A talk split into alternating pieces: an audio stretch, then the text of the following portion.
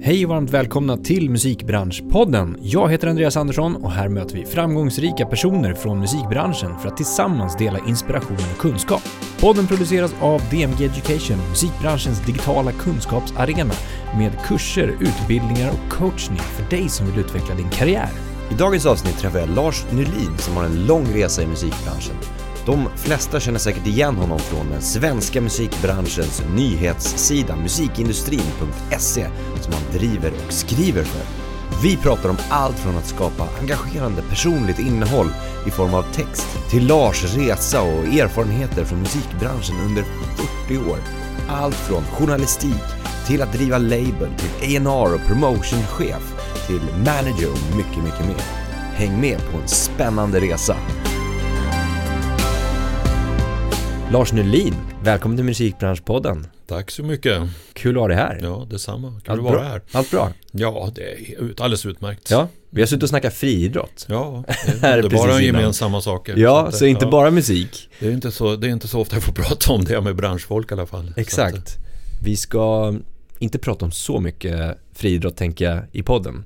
Jag vet inte hur många som är engagerade eller väldigt eh, intresserade av det. Så vi, vi lämnar det vi till vårat försnack sådär. Mm. Ehm, men det var mycket ganska detaljerade siffror och sånt där. Ja, det är, ju en nördig, eh, precis som musik kan Ja. vara. Så är det ju en nördig sak. Det är ju motsvarigheten till gamla tider i alla fall. Han kunde skivnummer och sånt. Ja, det var det jag tänkte Eh, just att här, nu- du kunde resultat Ja, nu är det och resultat var ju, är ju samma, lite samma Ja. nördiga ådra. kan du samma, jag tänker just kopplat till musik då, liksom topplistor Alltså, eller ja, årtal? Jag, jag, var, jag var rätt mycket sån, men i och med att det är så lätt att... Go, Google is my middle name liksom. Jag, Ja. jag är jag väldigt så ivrig googlare i fakta. Och då, det, då märker jag att jag har tappat det. Men visst, jag, jag, jag är väldigt aktiv på sociala medier, i synnerhet Facebook. Och där kör jag väldigt mycket musikinlägg. 40 år sedan, 30 år sedan, den och den jubilerar. Och då vet oftast tycker jag att jag har ganska bra koll. Men jag kollar upp det för att det är så många som hugger direkt om, Exakt, om man gör något fel. Ja. Så att, eh, men ganska bra koll har jag nog faktiskt fort på nördiga musikbransch och musikfakta. Ja, är det, kan det vara liksom så att eh, den plattan eh, som släpptes det året, spår nummer 5, 3.30 in i låten kommer det? Ja, min, mina favoritartister, eh, då, då kan det verkligen vara så. Jag vet att det finns, jag tror att det är engelska tidningen, nu- numera nedlagd, Q, hade ofta inlägg på, just på Facebook att att det var piken i en låt var 03.42 Ja. eh, till 03.57 och då kände jag ofta tragiskt nog ofta igen mig i att jag liksom har koll på mina gamla favoriter eh, från förr. Var händer saker i låtarna? När börjar det episka slutet med eh, i den och den låten? Och där, det är rätt nördigt. Men jag kan, jag kan inte jämföra mig på samma dag med samma år som många omkring mig. Det Nej. finns ju så många som kan skivnummer, alla titlar, all sekvens eh, liksom på plattorna. Det gör inte jag. Liksom. Och i och med streamingen så det där att kunna vad är A och B-sidan på en gammal LP, det hade jag tappat jättemycket. Kan hända att jag, vilket jag inte trodde för 10-15 år sedan att jag inte ens kommer ihåg vad, vad är A och B-sidan på en skiva liksom. Eller var ligger låten. Så där är jag inte riktigt sjuk. Men eh, lite halvsjuk. Har du någon stor eh, samling hemma? Eller? Nej, faktiskt inte. Jag gjorde, gjorde mig av med, jag, jag har trivts jättebra med streaming-eran eh, i stora drag. Så jag tyckte att jag inte orkade dra runt med flyttat en, en del även i modern tid. Även efter Spotify så att säga. Och då gjorde jag, har jag gjort mig av det mesta. Däremot har jag, så jag har kanske en- jag har något, någon hyllmeter dock med det jag själv har jobbat med. Oftast på CD. eh, När jag jobbade på skivbolag. Och så har jag några kanske en meter bokstavligen eh, med eh, favoriter från livet liksom. På vinyl och eller i viss. Just det. Eh, Men faktiskt så sent som i fjol så, så skaffade jag grammofon igen för, för, för första gången på länge. Och då skaffade jag en bunt favoriter från alla tider på LP igen. Liksom. Ja, ja. Eh, Lustigt nog så var jag och storshoppade bara 100 meter härifrån på en skivbutik. Så att där vi sitter idag och Just det, pratar. Just det. Liten värld. Ja. att, eh, mm. Men då, då, då lyssnar du ändå, för en del kan ju köpa bara i samlarvärde, just till exempel Det, vinyler. det, det har jag faktiskt aldrig varit med skivor. Jag har varit eh, väldigt sådär or, or, sentimental och oromantisk inför skivan. Däremot Mm. har jag gillat att ha skivor. Men aldrig det där dubbla X, plasta in, investera i och sådär. Nej, inget sånt. Utan Nej. jag ville ha skivan för att kunna höra musiken. Eh, Men framförallt kanske kunna läsa eh, eventuella liner notes, kolla fakta. Mm. För sånt har det ju varit fortfarande dåligt med på i synnerhet Spotify. Mm. Och sånt vill jag ha. Nu går det ju lätt att hitta på nätet men när jag sitter med skivan vill jag kanske se det själv. Liksom. Och så Mm. vill jag, och som branschsjuka, för min del i alla fall, att jag vill dubbelkolla att det verkligen står rätt. Mhm. På, eh, på Spotify eller på Wikipedia eller på Discogs. Alltså, vad- eh, på vilket sätt ja, vad, vad är det för rätt, fakta på rätt eh, Aha, credits? Så du dubbelkollar det? Ja, jag dubbel, sånt dubbelkollar jag alltid. All right. Liksom att är, står det rätt studio, rätt producent, rätt musiker Mm. och inte minst låtar och låttitlar och längder. Mm. Ja, det sitter jag alltid och små kollar på, Mhm. dubbelkollar mot, mot de här nämnda källorna där man hittar rätt Ja. fakta. Kan du oftast. upptäcka många fel eller? Ja, ganska ofta. Jag, är väldigt, väldigt inne på svensk musik och det, jag var själv på skivbolag på 90-talet. Eh, och och eh, vi var ju inte särskilt duktiga på att ta över de gamla LP-produkterna till CD. Alltså om vi pratar metadata, fakta. Mm. Eh, utan det kunde bli skarvas mycket, tas bort, eh, skrivas av fel och så vidare. Så det går att hitta, ofta hitta fel, Mm. eh, tyvärr. Och det gäller ju än idag att när jag går in på, även på Spotify då, vem har producerat, vem har skrivit låten Mm. på sådana 70, 80-tal, 90-tal. Det kan jätteofta vara fel. Ja, inte, inte, inte att det är legio, men lite för ofta för att en som jag ska vara be, riktigt bekväm. Liksom. Ja. Jag tycker det borde vara rätt rimligt att, att det var rätt. Ja. Men, men, men, för de flesta är det väl inget större bekymmer. Mm. Jag är ju sån som alltid har hållit på med det och dessutom känner jag rätt mycket musiker, artister i den generationen. Mm. Och då tycker jag att det kan vara lite pinsamt när de säger att ja, det är fel på mig. Vem har gjort fel där? Har Spotify gjort fel? Det har inte ofta Spotify gjort. Nej. Utan det kommer ju från oss. Exakt. Det gjordes fel då. Eller senare. Ja. Så det är liksom en följd, följdeffekt. Ja, nedärvda, nedärvda fel liksom. Ja, men spännande. Men du, superkul att ha dig här. Mm. Eh, vi måste ju ta ett avstamp, eh, tänker jag. Du vet säkert vart jag, vart jag ska börja någonstans. ta ett avstamp i en krönika som du skrev för lite drygt ett år sedan. Eh, om eh, Musikbranschpodden Mm. i musikindustrin.se. Mm. Eh, där du skriver bland annat då citat Musikindustrins Lars Nylin är sist i universum att lyssna på musikpoddar Mm. och påminns drastiskt om institutionen Musikbranschpodden. Mm. Det var ju fint skrivet. Mm. Eh, Ett år senare gäller det fortfarande att jag är jag lyssnar faktiskt på musik- Musikbranschpodden då och då. Men jag är fortfarande lika dålig på att lyssna på poddar. Ja. I, i, alla, alltså i alla mina fält. Jag, det har inte, jag har inte blivit någon vana eh, generellt.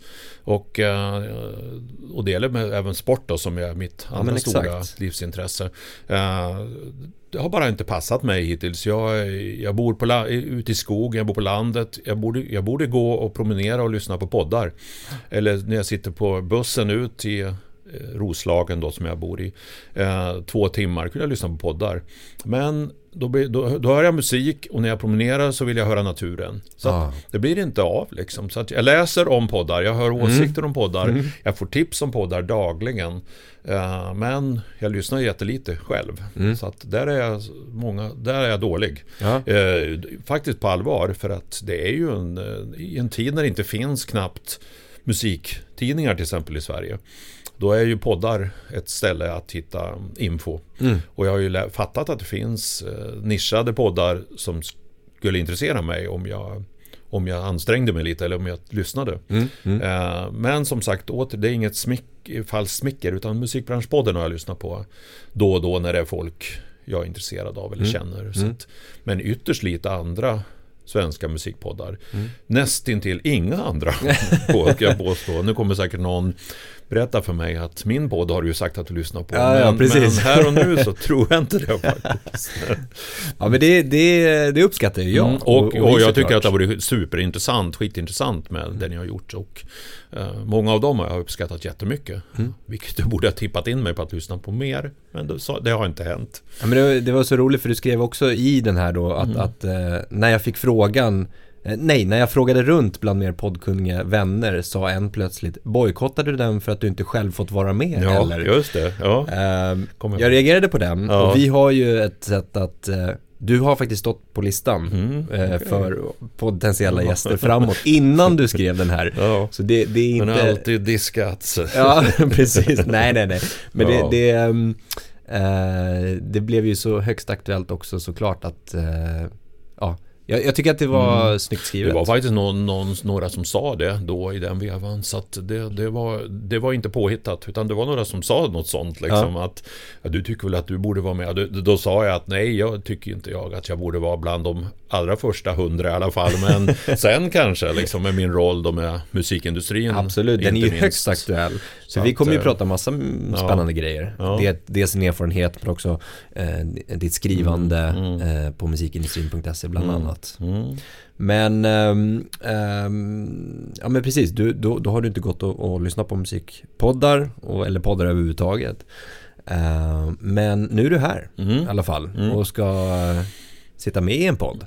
Kommer du lyssna på den här? Alltså det är tveksamt av det skäl, enkla skälet att jag hatar att höra min egen röst som så, många, som så många säger. Som många gör, ja. ja men, men annars så, ja men det kommer jag göra, absolut. Mm. Bara säkerställa så att det ja, går ja. rätt till, så att det metadatan är rätt. ja, precis. När vi släpper den sen. Uh, men, men jag tycker att du har ju liksom lite grann skapat ett ganska brett namn mm. och ett mm. stort kontaktnät i mm. musikbranschen. Många känner till vem du är um, och det du har gjort och du har ett väldigt, väldigt stort kontaktnät som sagt. Dels av din erfarenhet som du pratade om, du har jobbat på skivbolag som A&R-chef, uh, du har väl jobbat med uh, journalistik ganska mm, mycket också. Mm. Du har ju skrivit innan det mm. och sen efter också. Så du har väl doppat tårna lite, lite överallt. Det är väl ett ja, bortsett från den allmänna längden på hur länge jag har jobbat mm. i eller nära musikbranschen. Det är ju för över 40 år. Ja. Så det skapar ju i sig såklart ett nätverk. Men sen har jag ju gått mellan delar så det har väl också gjort att det har ökat mer än om jag bara hade varit journalist eller bara hade varit eh, skivbolags, musikbolagsperson. Ja men exakt. Eh, det har väl vidgat kontaktnätet. Ja. Och, och även faktiskt i och för sig arrangör, bok, inblandad i bokningsbolag och liknande. Mm. Eh, någon mån management eller amatörmanagement i alla fall. Jobba åt och med artister. Mm. Det har väl också gjort att det ytterligare vidgar nätverket kanske jämfört. Ja, om man bara hade, endast hade varit vid min skomakare blivit din läst liksom. Ja. Stannat i ett, i en folla liksom. Ja. Men många känner nog till idag då dig från musikindustrin.se. Mm. Eh, där du skriver väldigt mycket. Ja, det har ju varit ganska länge nu också. Det, ja. jag, fick, jag fick det uppdraget 2008 eh, faktiskt bokstavligen samma vecka som mitt sista med all säkerhet eh, jobb på ett musikbolag. Mm. Det var, jag jobbade på ett Bonnier Amigo, Bonniers dåvarande musikbolag, skivbolag. Mm. Och det fick nya ägare och det byttes personal helt våren 2008.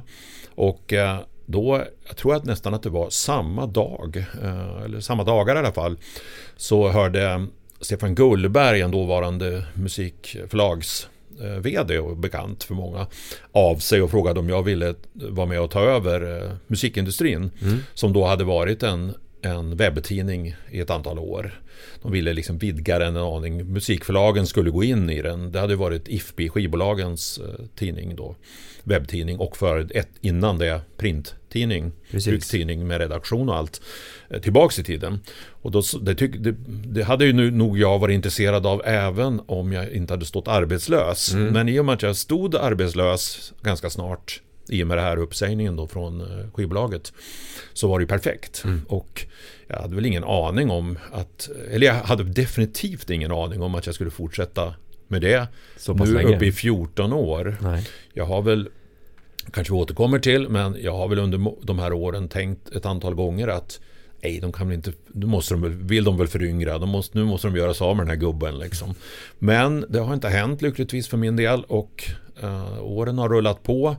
Och det, för min egen del är det ju bara perfekt. Dels ett spännande och kul uppdrag och dels händer det ju så mycket. Mm. Det är ju mm. hela tiden så, Exakt. så mycket nyheter mm. i, i, i det här sammanhanget. Så att Nej, det har ju varit ett suveränt sätt att för en allmänintresserad eh, och, och freakigt intresserad att få insyn, få mm. info dagligen om nyheter i, i och omkring branschen. Ja. Och motiv att läsa sin mor morgon eh, Music Business Worldwide eller Billboard eller vad det nu är eh, varje morgon. Mm. Eh, det kanske jag inte hade känt. sporre på något sätt. Ja, det hade jag nog inte känt ja. motiv, motiv för som mer allmänt intresserad om jag hade blivit sportjournalist mm, 2008. Just det, just det, ja. vilket, ju var, vilket var mitt alternativ. Mm. För att jag hade då börjat skriva rätt mycket sport. Mm. Så jag hann nog tänka att nu när jag blev uppsagd från musikbolag, ja då blir det sportjournalistik mm. för mig. Men det blev aldrig riktigt så, mer än som, lite som frilansare också. Just det. Jag ska tillägga att det är ju frilans. Uh, musikindustrin är ju också ett frilansjobb. Mm. Så att det har ju inte varit att jag suttit på en redaktion och gjort musikindustrin. Utan jag har ju kunnat göra annat hela tiden mm. också. Men om vi backar lite då. Mm. Journalist i grunden. Ja. Det är väl det som du, du klassar dig som på något sätt? Ja, jag, jag, det gör jag väl. Jag tänker nog mig själv som journalistskribent. Mm. Uh, med åren allt mer snedstreck författare också, jag gjort mm. mycket böcker.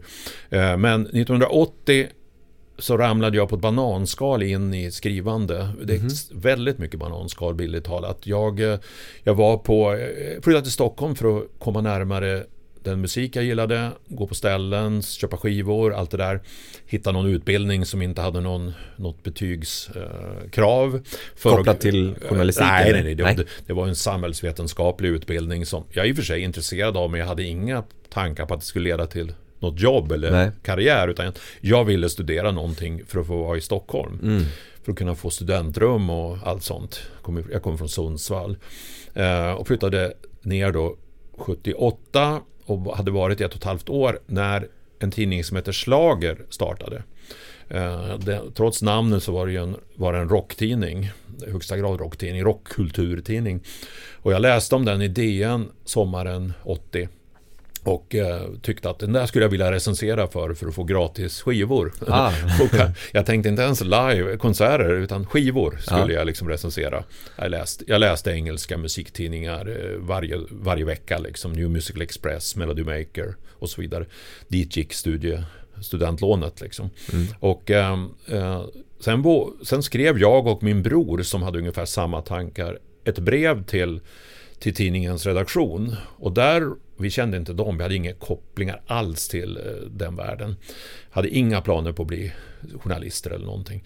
Eh, skrev, vi, skrev ett brev och frågade om vi fick komma upp. Och vi, vi var rätt roliga tycker jag fortfarande i formuleringarna. Vad vi, skulle, alltså vi, skulle, vi berättade att vi, vi skulle då om vi fick recensera, då skulle vi komma varje vecka med likör, jag kommer inte ihåg vad det var för sort, men vi skulle komma förbi med någon, liksom, någon, någon, någon likör tror jag det var. Och någon... Så ni mutade dem? Ja, vi skulle egentligen. muta dem. Skulle liksom. muta, ja. och, och, en, en redaktör då på Slager som sedan och fortfarande idag är väldigt bekant i, för många i, som lyssnar, Håkan Lager. Uh, han, han tyckte det var jättekul och han kom själv från samma ö utanför Alnö, eller utanför Sundsvall som heter Alnö. Mm -hmm. Så att gigantisk slump så tyckte han att de här killarna är lite kul och tyckte han uppenbarligen. Och de kommer från Alnö, som jag mm. kommer ifrån. Mm. De tycker jag var kul att träffa.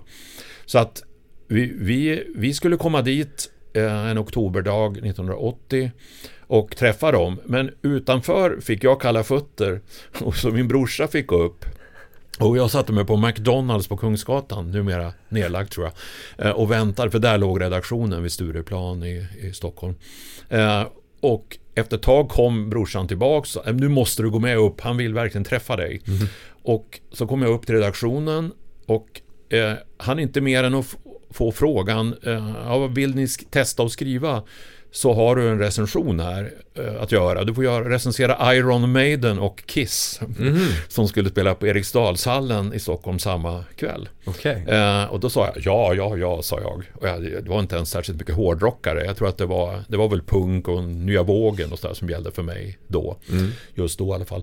Eh, samtidigt, en minut senare, kommer första numret av tidningen in.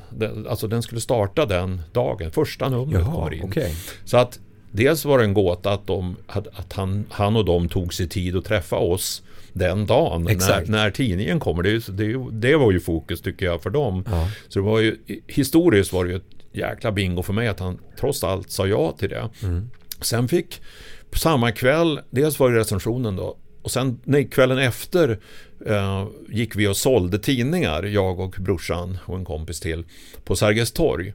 Och då träffade vi läsare av tidningen för första gången. Senare samma kväll satt vi och sålde tidningar på en rockklubb i Stockholm. Rock Palais hette den, på, också på Kungsgatan faktiskt. Och då träffade jag eh, journalister, recensenter som skrev på Aftonbladet och Expressen som för mig var lite idoler ungefär. Va? Jag hade aldrig träffat dem. Och de kom fram och var nyfikna. Och vilka är ni då liksom? Och vad ska ni skriva för någonting i slager? Och eh, på den vägen blev det sen. Liksom. Jag blev kvar där. Eh, jag, till skillnad från min bror som gick till annat, han är faktiskt han är professor nu för tiden. Eh, han, eh, så, så ville jag verkligen komma in på redaktionen. Så jag, efter redan någon vecka, månad så hittade jag på några avdelningar i, i tidningen som jag föreslog för dem. En insändarsida bland annat och en skvallerspalt. Så att jag lanserade skvallerspalten Steve Roper eh, från seriemag- tidningen Seriemagasinet var karaktären tagen med liksom skvaller om, om svensk musik. Liksom. Okej. Eh, och den blev och även insändarspalten blev ganska etablerade delar av den här tidningen. Så att jag fick skäl att hänga då på redaktionen för att läsa in brev och sådär. Det, det kom ju med post, snigelpost då på den tiden fortfarande. Så att jag gjorde mig liksom sådär, inte omistlig, men jag gjorde mig till en inventarie i, i redaktionen. Exakt. Och eh, blev, blev sen kvar från och till tills, eh, ja, genom hela 80-talet. Fast tidningen såldes, bytte namn, gick i konkurs, fick startade upp, blev, blev tidningen Slits som senare blev en annan tidning Slits eh, och så. Men i, hela, i, sto, i stort sett hela 80-talet var det sen en fortsättning för mig på eh, det här liksom första gången då hösten 80. Men i nya lokaler, nytt folk, nya ägare och så. Men så jag blev, blev kvar där.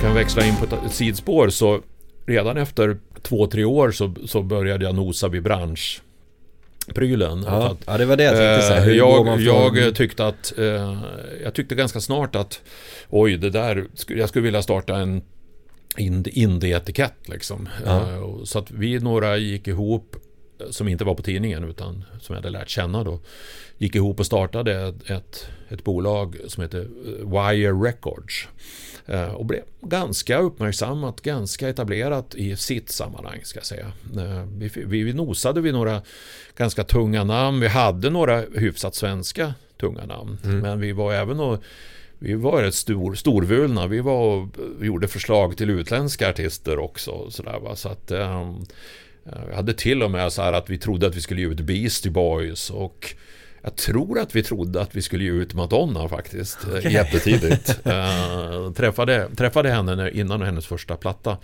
Eh, och då tror jag att vi den kvällen i New York trodde att vi hade henne liksom på gång. Att vi skulle få släppa i Norden eller Europa.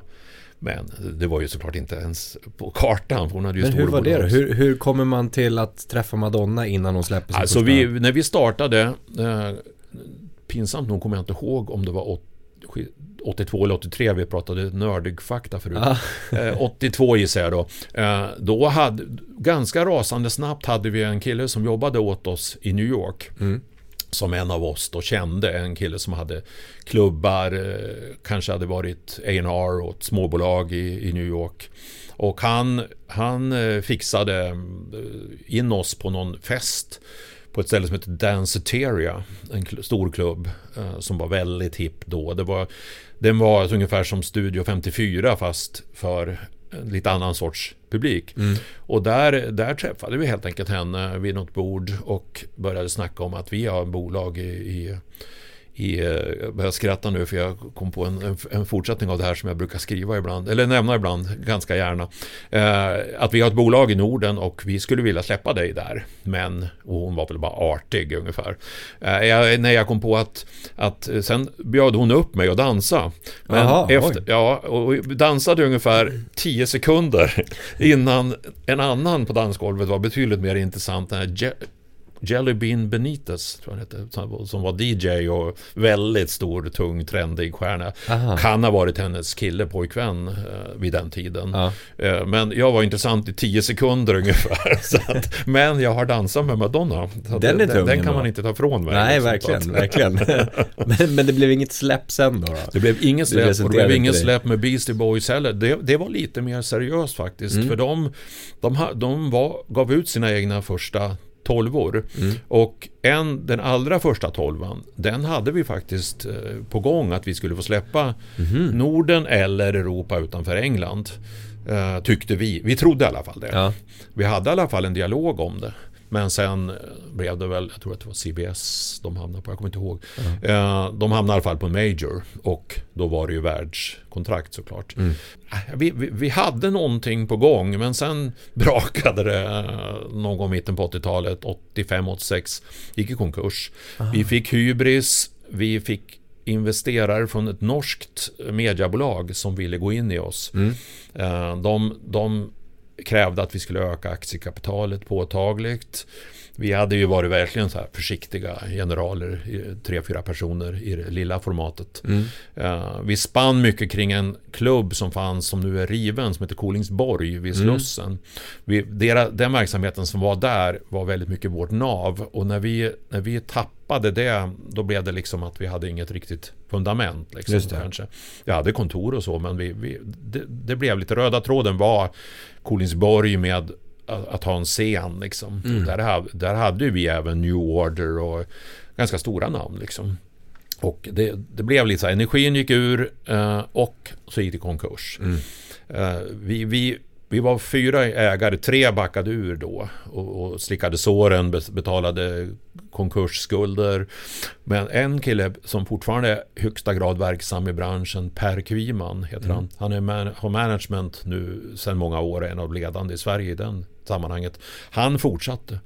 Så att det fanns faktiskt, för den nördige lyssnaren fanns det faktiskt ett V i ett bolag som heter MVG Records som tillhörde MNV eh, Independent-sfären som sen till exempel Tåström, eh, band som heter Clawfinger blev ju stora med flera eh, var på.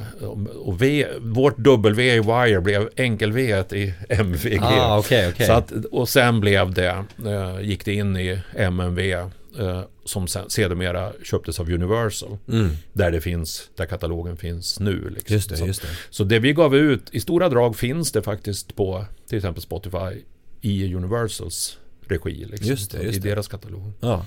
Och hur, ja men det var ju den, min grundfråga där var ju just att hur går man från journalist till att jobba med det var, det var väl så att jag var, jag var väl inte, jag såg mig inte som journalist, jag såg mig som musiknördälskare liksom. Ja, jag, precis. jag ville liksom, jag trodde, jag trodde väl lite storvulet att jag skulle hjälpa bra musik framåt. Mm. Först råkade jag göra det, bli det som skribent. Mm. Jag var väldigt så engagerad i mina, eh, mina favoritartister. Jag kunde verkligen vara personlig i hur jag skrev. Jag grät och jag bröt ihop kring mina artister. Jag var verkligen ingen, ingen neutral objektiv eh, skildrare. Liksom, ah, okay. ja, ja. Jag var väldigt engagerad i det. Jag, jag hjälpte ganska mycket artister, inte minst från mina hemtrakter. De fick bo hos mig när de kom till Stockholm. Jag mm. förmedlade kontakter till, till skivbolag mm. och ordnade spelningar. Och så, så du var lite spindeln i nätet på något Jag var, jag var lite mini, minispindel ja, liksom. Ja. Uh, och, och så att det var inte så lång sträcka till att bli någon sorts entreprenör mm. i samma tänk. Nej, precis. Och uh, jag, jag minns att jag var, min, min allra första utgivning var var på ett eget bolag mm. som, het, som heter Europa Records. Lite så här synt. Det var väl Ultravox och sånt den perioden.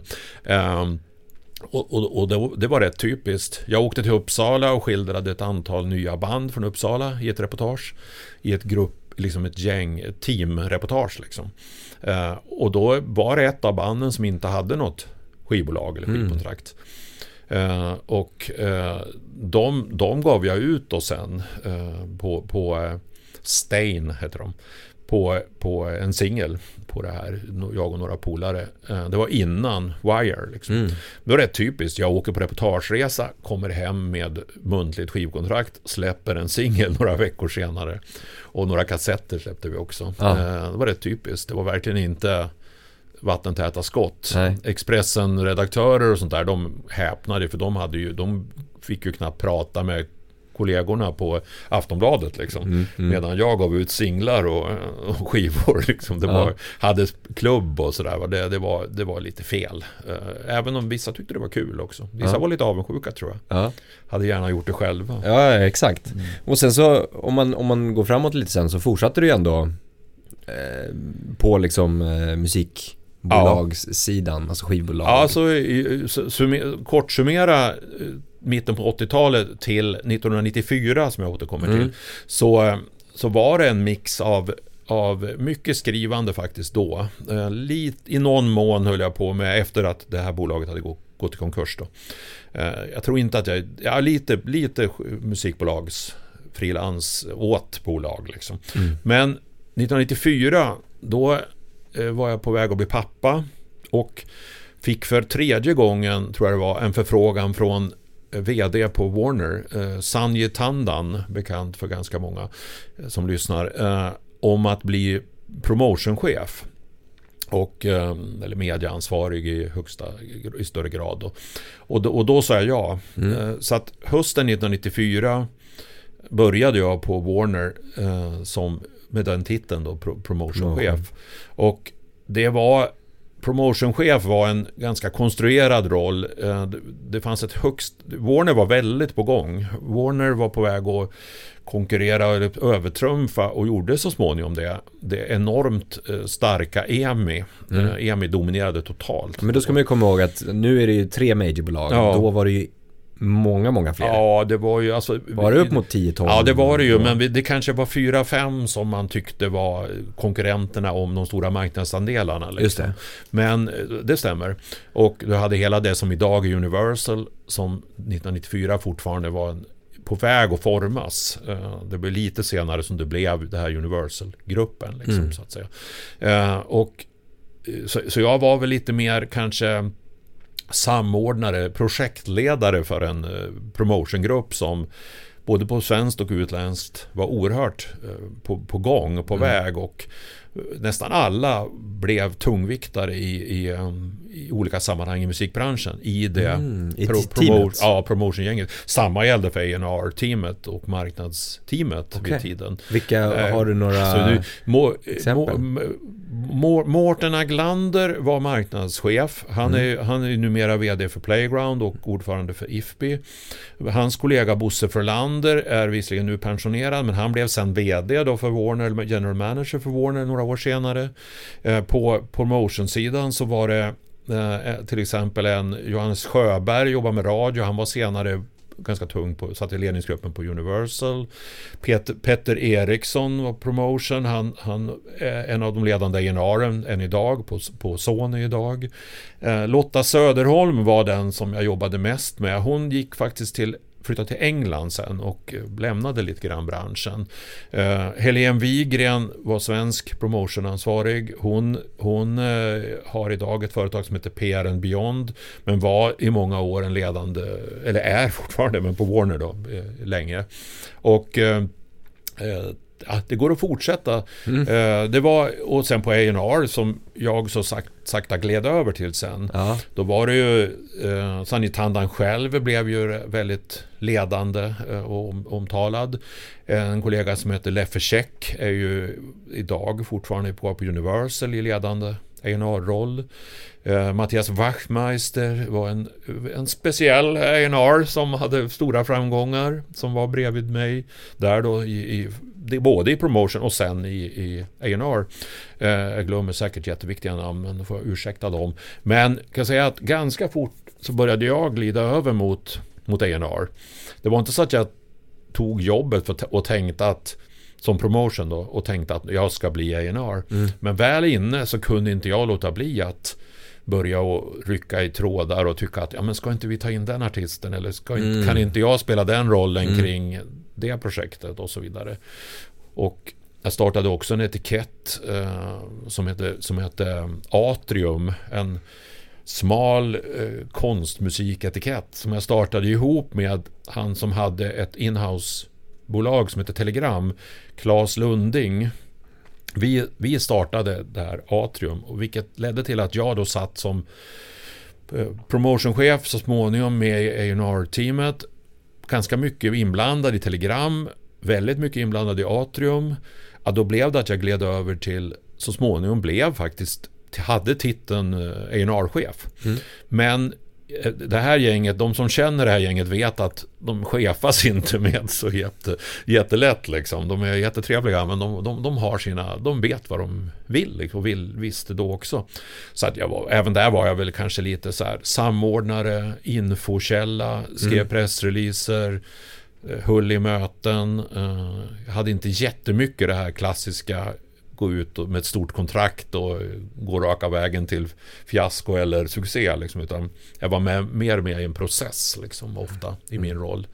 Så jag var nog liksom lite mer eh, öv, övertittare än en klassisk A&R-chef. Mm, mm. Men, men eh, för det är så spännande det här just med som vi pratar om just A&R-biten. Vi har ju haft massa olika gäster i podden. Eh, Allt från A&Rs eh, som jobbar aktivt nu på ett sätt eh, och scoutar talang via TikTok, Instagram, DM och så vidare och så vidare och så vidare.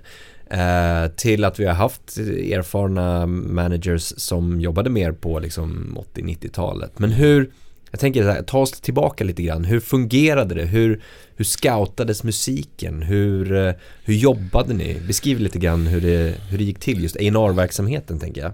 Som jag minns det så hade väl jag, jag återigen, jag hade ju det här olika, olika benen. Jag, Ja. jag, jag hade ju väldigt bra, jag, jag tror att det var ett väldigt bra plus att jag hade väldigt bra försänkningar i, i, i journalistsammanhanget. Mm. Jag fick kanske tips där som kanske en annan A&R inte hade fått för att jag var någon sorts vän och polare, liksom kollega ska jag säga, Mm. i, i det sammanhanget.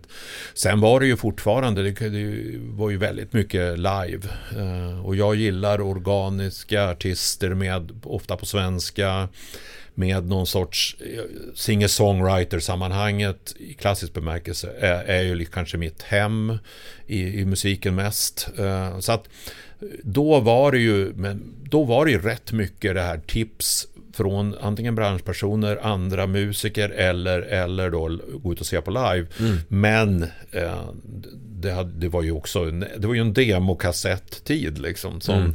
Jag kontrakterade väl på helt eget bevåg kanske inte vet jag vad det kan ha blivit 20, 20 artister kanske under min tid som A&R chef då på Warner. Mm. Eller att jag var inblandad eller ansvarig själv. Och det kunde säkert vara 5-10 som kom från riktigt demokassett liksom. Och det, ju, ja. det, det finns ju idag igen fast på andra sätt liksom. Mm. Idag, i, idag hade, hade demokassetten fått då ett test på någon motsvarande sociala medier eller TikTok eller vad, vad som helst. Då tog man den ur kuvertet och lyssnade, visste ingenting om bakgrunden, ramarna oftast. Mm.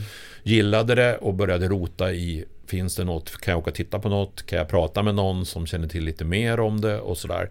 Så det var ju Det låter ju som stenålder liksom. Det var, och det är ju lite stenålder.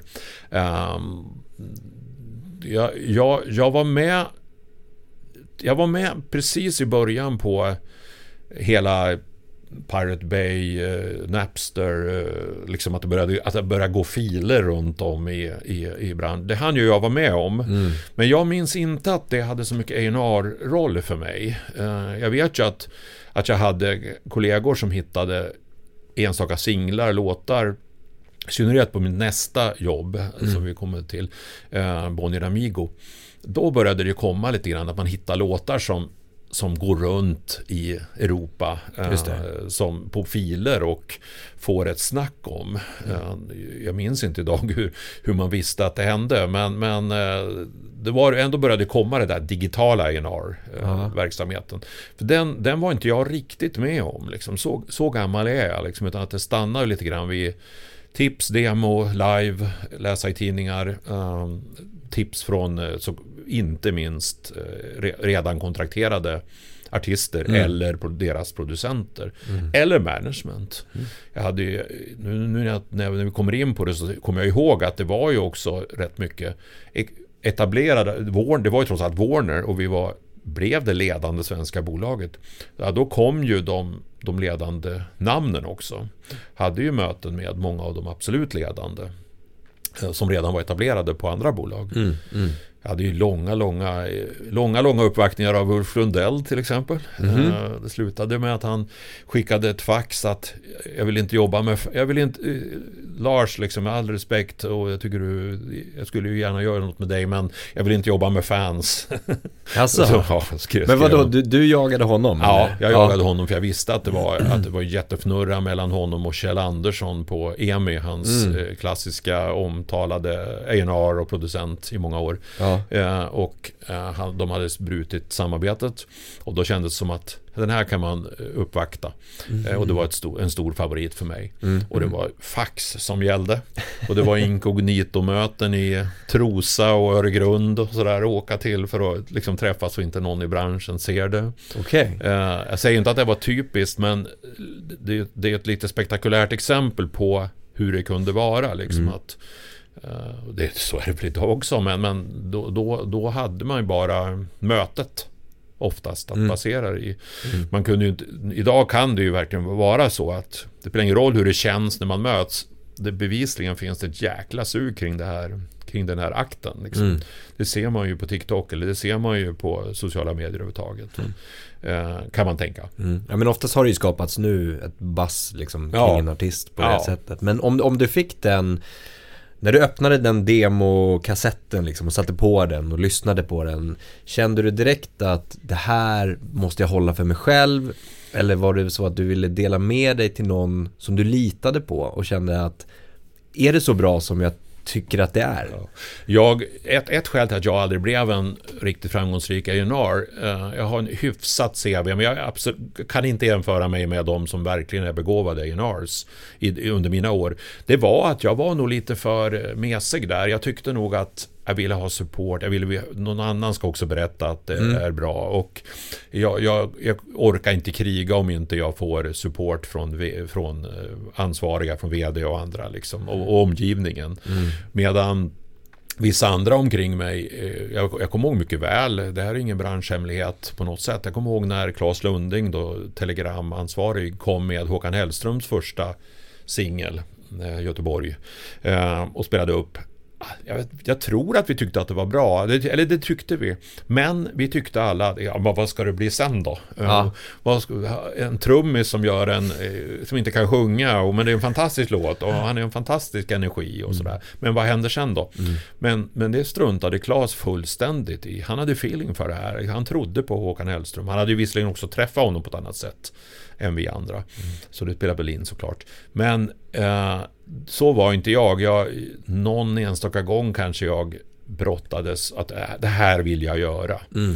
Jag kommer ihåg att Thomas Andersson Vi var nog en sån tror jag. Han är ju rätt etablerad ändå nu. Mm. Eller än idag. Han, när jag fick kassett från honom och han hade gjort en floppad platta på annat bolag. Marie Ledins bolag inom parentes, känd branschperson.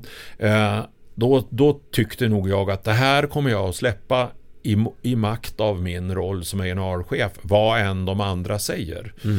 Uh, den första, den, Landet vi föddes i heter den, den första singeln som jag släppte. Men däremot tror jag inte att jag hade bråkat, brottats vidare och uh, gått mot album, LP. Album var det nog, för det var faktiskt CD. Det är inte så länge sedan.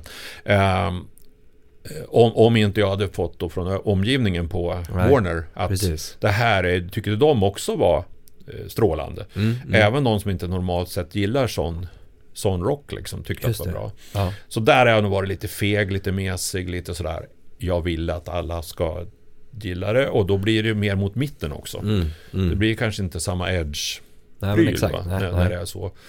Det sagt så jobbade jag ju, kämpade jag ju väldigt för det här Atrium som var ändå en konstmusiketikett som vi hade som var totalt egentligen omöjligt och den fick ju blev existensberättigande bara av att det gick så pass bra för bolaget. Mm. För det kostade ju nästan bara, eller det kostade bara Warner-pengar. Sen hjälpte det inte att det fick jättebra press i Japan eller Tyskland eller och, och, och Grammis eh, och sådär. Va? Just det, Men det, det. det räckte inte egentligen. Men eh, det fick vi hålla på med för att det gick så bra. Mm. Så att, Mm.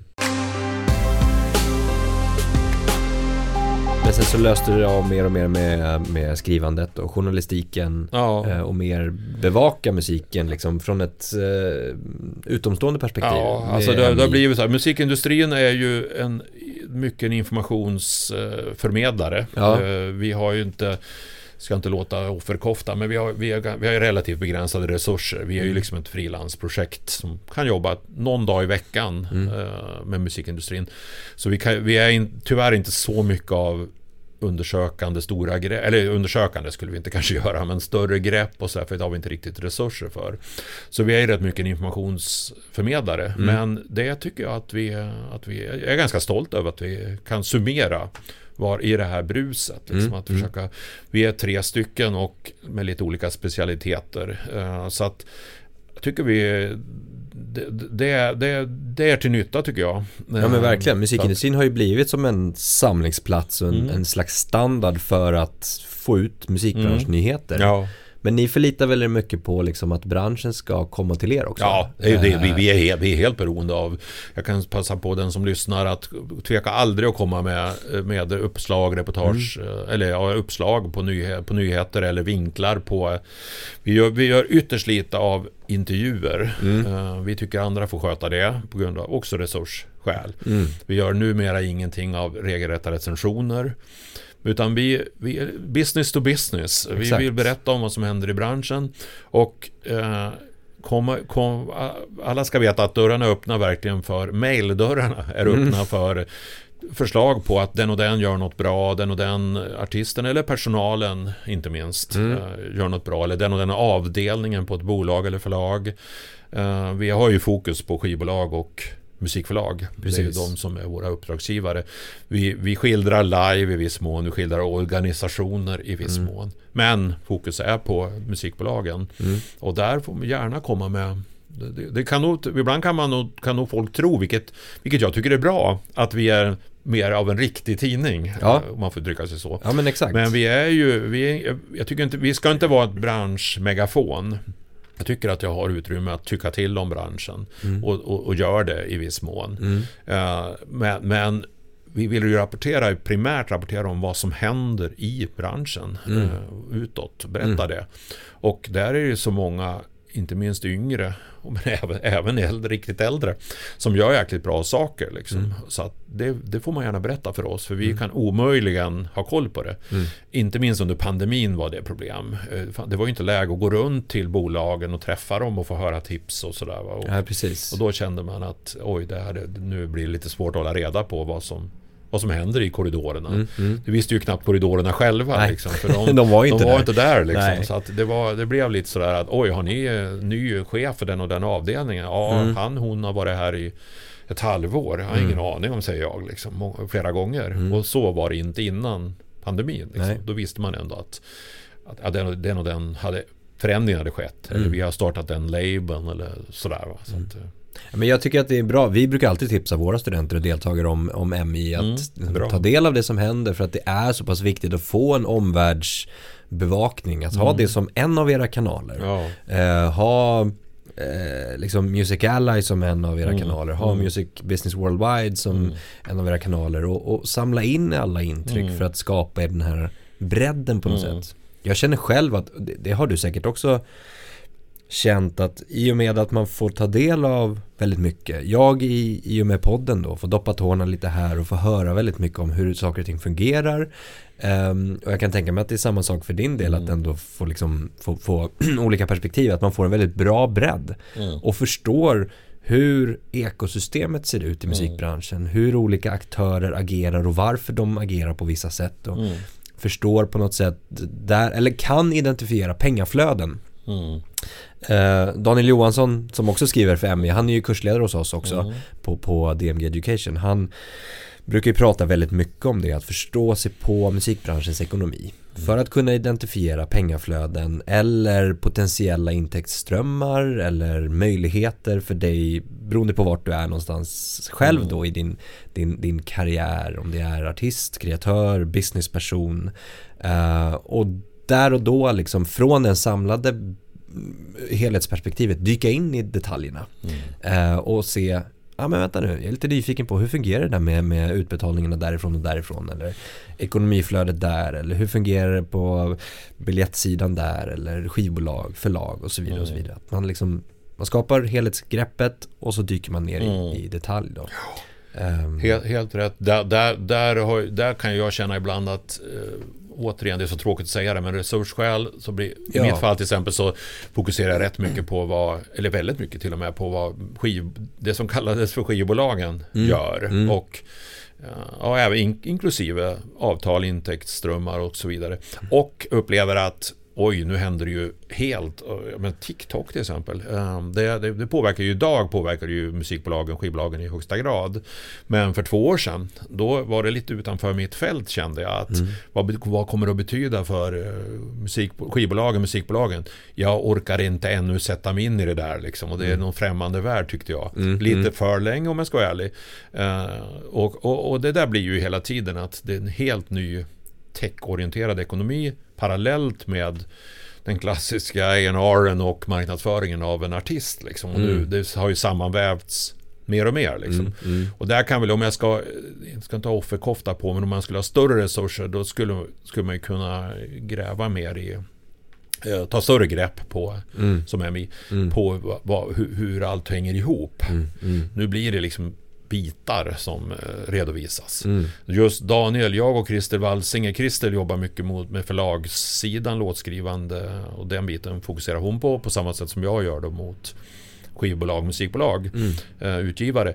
Daniel är ju extraordinär. Han, han, han tar ju forskarmässig per se, mm. forskarmässig eh, grepp på hela på helheten. Mm. Han är ju ganska, han är ju rätt så unik. Det är nog få som har Verkligen. den där helhetsbilden. Ni har ju folk sådana och det finns på utbildningar men det är inte så många i Sverige som Nej. har de där. Och, och, en hel del på musikbolagen har ju det såklart. Mm. Men av journalister och så, så är ju Daniel rätt så unik. Mm. Jag blir ständigt uppringd av andra medier om uttala mig om katalogköp eller om eh, Så mycket bättre eller Melodifestival mm. eller vad det är. Och det är ju ganska ofta som jag får säga att det där får du, bättre du ta med Daniel. Ja. I synnerhet när det handlar om ny tech och ekonomi. Liksom. Ja, exakt. Det går inte, jag kan inte hålla reda på alla, alla bitar. Daniel kan ju komma med nya aktörer som jag knappt känner till och sen säger han att den där är ju jätteviktigt nu. Liksom, mm. Att det där är stort. Mm. och så googlar jag och tittar på det. Ja, då ser jag att det har x hundra miljoner användare eller vad det nu är. Mm. Eller har investeringar på 10-20 miljarder nivåer. Mm, mm. Som jag knappt känner till mm. aktörer. Och, eh, så att nej, det är svårt att, det är svårt att hålla reda på. Mm. När, ja, det är det verkligen. Å andra sidan är det ingen som avkräver det för att vi, vi har ju inte den, vi har inte den rollen. Liksom. Nej. Men jag tänkte på det här med, med du, det känns som att du gillar att berätta historier om andra också. Mm. Och skildra lite grann. Mm. Och jag tänker, du har ju skrivit mycket. Mm. Eh, och lite krönikor och allt från, ja men sen, sen tidigare tillbaka också. Mm. Har du någon favorit eller det här är min bästa skildring eller krönika eller eh, liksom den bästa historien jag har berättat? Nej, det har jag. Alltså jag, jag, jag har ju en tendens att hamna i att berätta om mina egna roller i, i olika, kring olika artister och skeden. Eh, så att, nej, så att eh, på rak fråga, nej, nej, det kan jag inte ge dig liksom, tror jag. Eh, jag, har, jag har ju inte gjort, jag har ju faktiskt inte till exempel gjort någon bok om om musik, alltså någon, till exempel något porträtt. Så jag har inte, jag har inte tagit det greppet liksom. Och eh, tillbaks i tiden när jag verkligen skrev musik, eh, då finns det liksom jag, kring Olle Ljungström, kring Ulf Lundell, eh, kring Titio tidigt och så. Då, då kommer jag ihåg att oj, det här känns som att det ger något Jakob Hellman. Det ger något avtryck liksom. Jag, men inte, nej, inte, inte i modern tid liksom på det, det kan jag inte säga faktiskt. Men då var det mer liksom skildringar eller ja. porträtt? och, ja, och sådär? Ja, att man tog ett ordentligt eh, biografiskt grepp mm. på, en, på en artist. Liksom, som det kunde ha lett till att man gjorde en bok av det eller någonting. Ja, just det, just det. Den, sortens ambition. Nej, det, har jag in, det kan jag inte säga att jag har. Liksom, så att, eh. Nej. Jag tänkte på det här med just som du sa också med, med, eh, med skrivandet. Alltså du, du, jag har ju tittat lite grann på just eh, din Facebook-sida. Mm. Där du skriver ganska mycket som du sa, med 40 mm. år sedan eller 30 mm. år sedan. Och du lyfter ju andra personer. Mm. Jag, jag, jag, gör väldigt mycket sånt. Jag vill, ja. jag vill, jag vill lyfta historien och eh, respekten för mm. historia. Jag, tar, jag får så här 100, 200, 300 likes och 50 kommentarer. Det är inget mycket liksom, i det stora hela. Men i mitt flöde så är det ganska Fast det är bra reaktioner.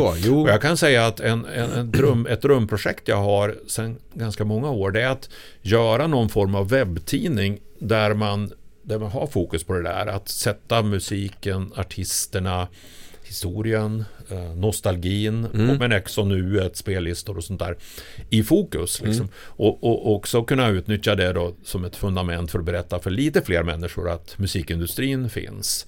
Eh, men jag har inte riktigt eh, fått ordning på det. Faktiskt i dagarna är jag på gång med det igen och känna lite på det där. För att mm. mm. det finns något där tycker jag.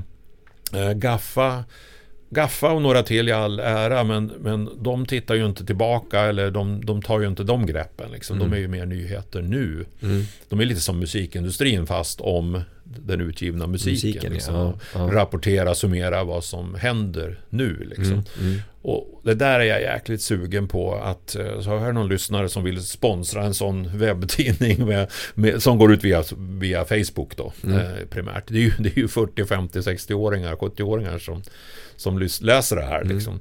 Då, där tycker jag det finns, fattas något idag. För att vi hade ju länge en, en musikjournalistik som var väldigt mycket, det var ju nästan en karikatyr. Mm. Bruce Springsteen kommer hit och det blir bilaga och extratidning i Expressen, Aftonbladet och GT. Mm, mm. Det finns inte nu. Uh, nu kanske det blir så när Springsteen kommer hit eller när Stones kommer hit.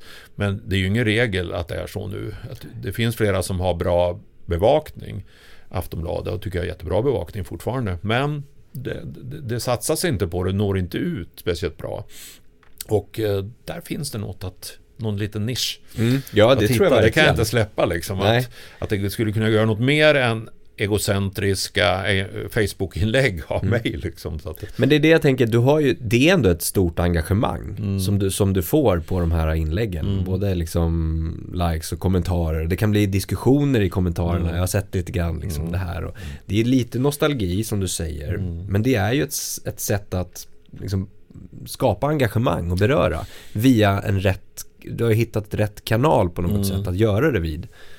Det är svårt att skriva längre texter på TikTok eller Instagram eller liknande. Utan det, är ju, det är ju Facebook som är... Det går ju på liksom... Facebook och om det landar då dessutom på en, på en tidning eller hemsida då går det att göra ganska mycket av det. Liksom. Ja. Så att, och det finns de som kan hantera det även inom Facebooks ramar. Så att, visst, jag är stenålders men jag vill ändå tro att det går att det kanske inte går att göra om nuets musik fullt ut för det är, brus, det är för mycket brus och det är för mycket mm. kanaler, källor för info kring dagens artister och akter, huvud, frontartister. Mm. Men bara en tillbaks en bit i tiden till 90-tal eller 00-tal eller Radiohead eller vad det nu skulle vara. Där finns ju samma story. Eh, den, den blir, ju, blir ju en, det blir ju en sån story av det. Mm. Även fortfarande. Mm. Sen är det kanske svårt att tro att det blir jättemycket så om 10-20 år om dagens artister. Mm. För att eh, det blir så, den långa svansen blir så mycket längre hela tiden. Liksom. Mm. Mm. Det, är sånt, det är sånt utbud. Liksom.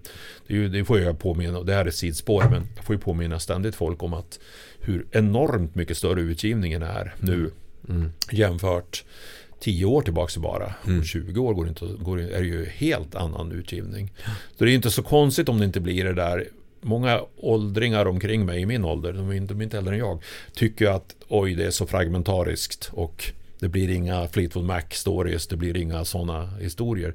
Men det är inte så konstigt. Det är ju så många fler att samlas kring. Mm. Det är så många fler brasor liksom, och lägereldar att samlas kring som fan. Mm. Eh, så det är inte så konstigt. Det är ju nästan snarare tvärtom att det är fantastiskt spännande att det finns de som kan skapa en community kring sig som är så oerhört stark och stor. Taylor Swift, för att ta ett enda exempel jag kom på plötsligt mm. bara. Uh, det, det, är, det är ju säreget att det går fortfarande. Men vad, hur tror du att, just det här med engagemanget, jag, jag fastnar lite grann på det. Mm. hur, hur tror du att du har lyckats skapa det? För det är ändå du behöver ju ändå ha, vi pratar algoritmer, vi pratar liksom synlighet i, i de här Du har ett stort kontaktnät och du har en lång erfarenhet Men du har ju ändå, du måste liksom på något sätt skapa en kontinuitet i det du skriver om och postar och... Jo, det, det är faktiskt, eh, jag har ingen analys att ge dig. Det är ren intuition eh, nästan alltid. Jag har väl ett visst, tänker väl till att jag inte har för mycket för mycket inlägg av samma sort. Nej. Jag har någon tanke bakom, det har jag ju. Ja. Men, men, men, och jag kollar ju varje dag så här jubileer och... Eh, det ja, men exakt, du måste ju hålla koll på det. Det har jag mina källor till. Men ja. jag tänker ju också till att nu har jag, jag kan inte ha fem symfonirockinlägg i rad för att Nej. det är väldigt, ganska få av mina följare, vänner på Facebook som är lika nördiga i symfonirock från 70-talet som mm. jag är. Mm.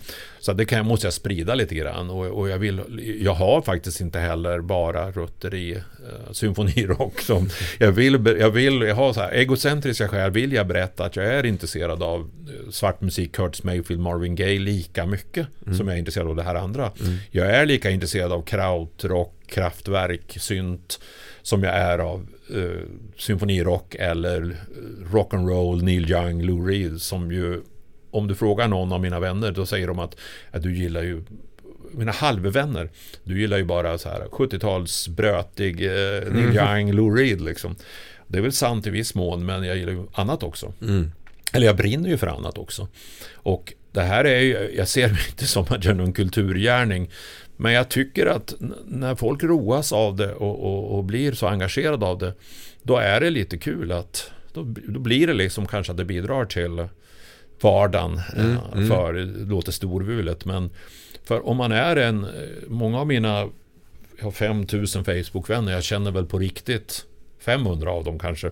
Många, många ser ju mig som någon sorts tidning, märker ja, jag ju. Ja. Jag, får ju. Jag får ständigt på Messenger, varje dag på Messenger, tack för eh, mina flöden. Liksom. Mm, mm. Och, det, och det, inspirerar ju såklart. Ja, precis. Att, att för mig halvt eller helt obekanta personer som hör av sig som om det vore till en journalist. Liksom. Mm, mm. jag får påminna folk om att ja, men jag, jag är ingen journalist, det här är bara min, min Facebook. Ja, ja. Uh, och, men, du, men, det visar också kanske att det saknas sånt här. Ja, och jag tror ju bara av en liksom, om jag tänker till lite själv, att du det är ju personlig mm. i det du skriver också. Och jag mm. tror att det lockar väldigt många människor också mm. när allt är väldigt generiskt och allt är väldigt skapat och påklistrat och påhittat så känns det som att du ändå i dina texter är väldigt personlig. Mm. Och jag tror att det kan tilltala väldigt många att vilja då engagera sig mm. i ett sånt inlägg till exempel. Ja. Dels läsa klart det och dels, alltså det kan finnas både det och den här nostalgi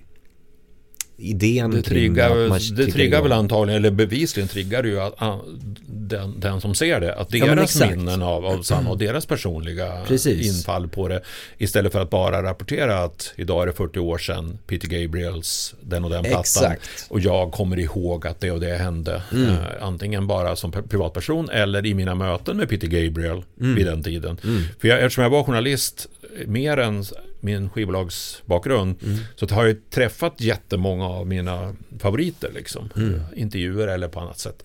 Och då, liksom, då har jag en tendens att få in det, liksom, eller vill få in det. Jag tycker det är lite kul liksom, och lite egocentriskt sådär. Ja, men då får du en berättelse kring det. Med de här. Ja. Och det triggar ju andra att de kanske har varit på en spelning eller Precis. läst något om artisten eller undrat något om artisten mm. då. Mm.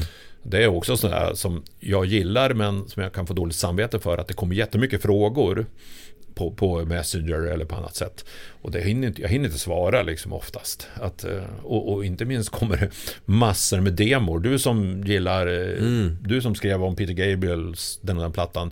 Jag är inspirerad av Peter Gabriel, kanske du kan lyssna på det här. Eh, mm. Och det hinner jag inte liksom.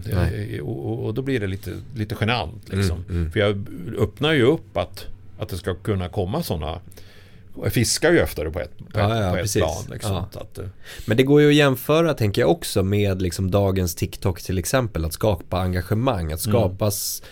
skapa innehåll oavsett om det är rörligt, ljud eller skrift, att skapa innehåll som andra kan relatera till och, och, känna igen sig i.